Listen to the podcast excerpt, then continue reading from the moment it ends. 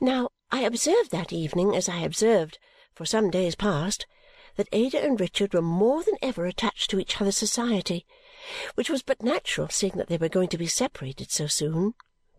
I was therefore not very much surprised when we got home and Ada and I retired upstairs to find Ada more silent than usual, though I was not quite prepared for her coming into my arms and beginning to speak to me with her face hidden. "My darling Esther," murmured Ada, "I have a great secret to tell you." "A mighty secret, my pretty one, no doubt." "What is it, Ada?" "Oh, Esther, you would never guess!" "Shall I try to guess?" said I. "Oh, no, don't, pray don't!" cried Ada, very much startled by the idea of my doing so. "Now, I wonder who it can be about," said I, pretending to consider. "It's about," said Ada in a whisper, "it's about my cousin Richard." "Well, my own," said I, kissing her bright hair, which was all I could see, "and what about him?" Oh, Esther, you would never guess! It was so pretty to have her clinging to me in that way, hiding her face, and to know that she was not crying in sorrow, but in a little glow of joy and pride and hope that I would not help her just yet. He says, I know it's very foolish, we are both so young, but he says, with a burst of tears, that he loves me dearly, Esther. Does he indeed? Said I. I never heard of such a thing. Why, my pet of pets, I could have told you that weeks and weeks ago. To see Ada lift up her flushed face in joyful surprise and hold me round the neck and laugh and cry and blush was so pleasant. Why, my darling, said I, what a goose you must take me for! Your cousin Richard has been loving you as plainly as he could for I don't know how long. And yet you never said a word about it, cried Ada, kissing me. No, my love, said I. I waited to be told. But now I have told you. You don't think it wrong of me, do you? returned Ada. She might have coaxed me to say no if I had been the hardest hearted duenna in the world. Not being that, I said no very freely.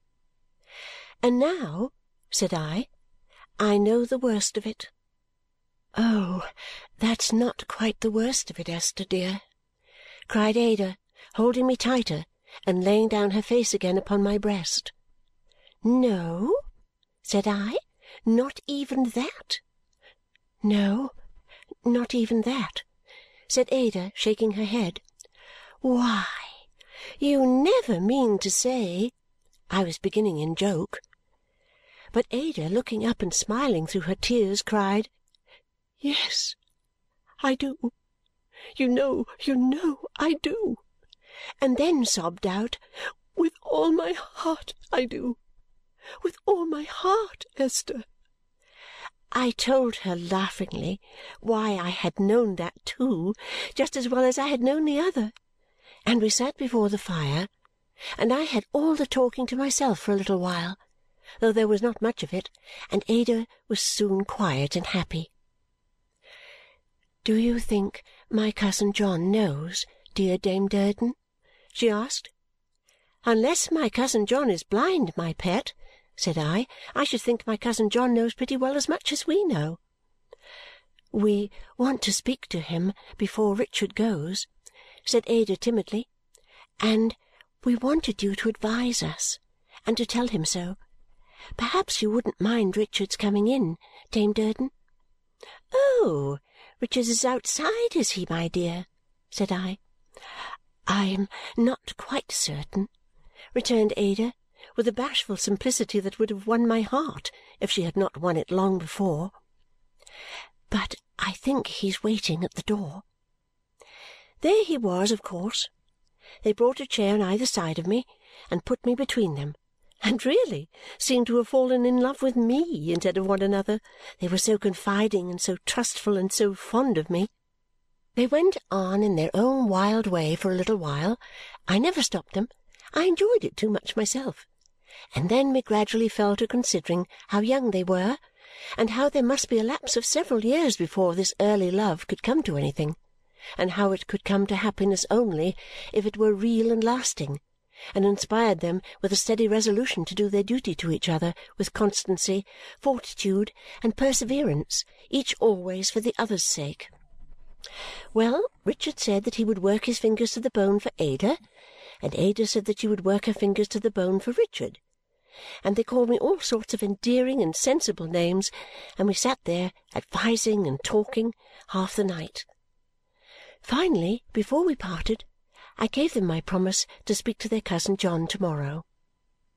So, when to-morrow came, I went to my guardian after breakfast in the room that was our town substitute for the growlery and told him that I had it in trust to tell him something. "Well, little woman," said he, shutting up his book, "if you have accepted the trust, there can be no harm in it." "I hope not, guardian," said I. "I can guarantee that there is no secrecy in it, for it only happened yesterday." "Aye? And what is it, Esther?" "Guardian," said I, "you remember the happy night when first we came down to Bleak House, when Ada was singing in the dark room?" I wished to call to his remembrance the look he had given me then. Unless I am much mistaken, I saw that I did so. "Because," said I with a little hesitation. "Yes, my dear," said he. Don't hurry." "Because," said I, "Ada and Richard have fallen in love and have told each other so." "Already!" cried my guardian, quite astonished. "Yes," said I, "and to tell you the truth, guardian, I rather expected it." "The deuce you did!" said he. He sat considering for a minute or two, with his smile, at once so handsome and so kind, upon his changing face, and then requested me to let them know that he wished to see them. When they came, he encircled Ada with one arm in his fatherly way and addressed himself to Richard with a cheerful gravity. "Rick," said Mr. Jarndyce, "I am glad to have won your confidence. I hope to preserve it. When I contemplated these relations between us four, which have so brightened my life and so invested it with new interests and pleasures, I certainly did contemplate, afar off, the possibility of you and your pretty cousin here don't be shy, Ada, don't be shy, my dear being in a mind to go through life together. I saw, and do see, many reasons to make it desirable. But that was afar off, Rick, afar off." "We look afar off, sir," returned Richard. "Well," said Mr. Jarndyce, "that's rational. Now, hear me, my dears. I might tell you that you don't know your own minds yet, that a thousand things may happen to divert you from one another, that it is well this chain of flowers you have taken up is very easily broken, or it might become a chain of lead. But I will not do that. Such wisdom will come soon enough, I dare say, if it is to come at all. I will assume that a few years hence you will be in your hearts to one another what you are to-day.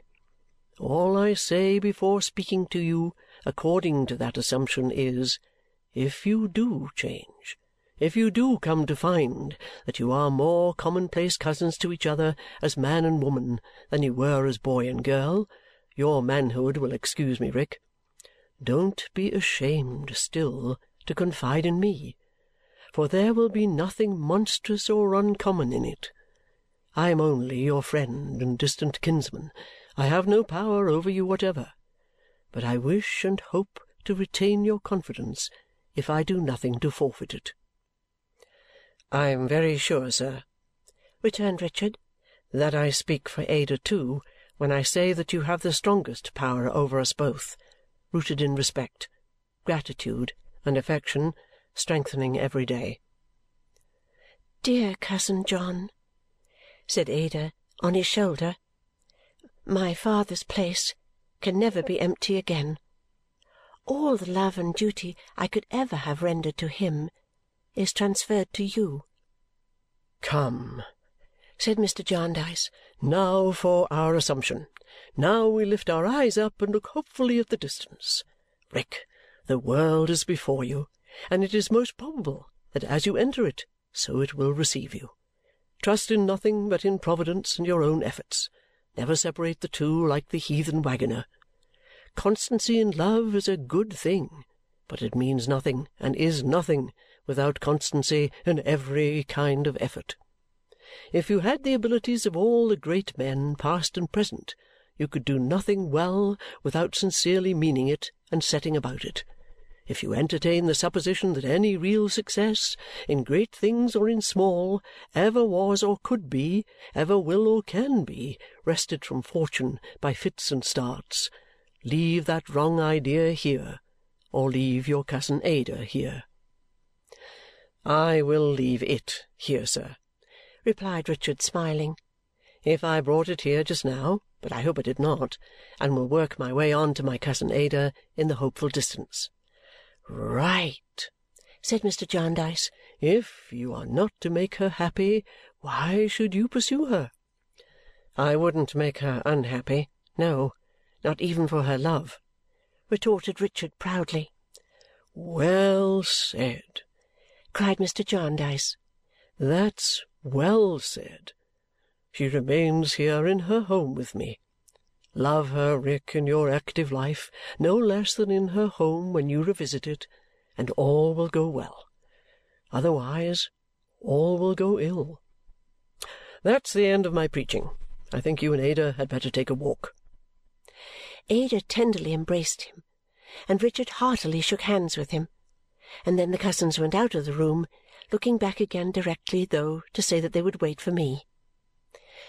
The door stood open and we both followed them with our eyes as they passed down the adjoining room, on which the sun was shining, and out at its farther end.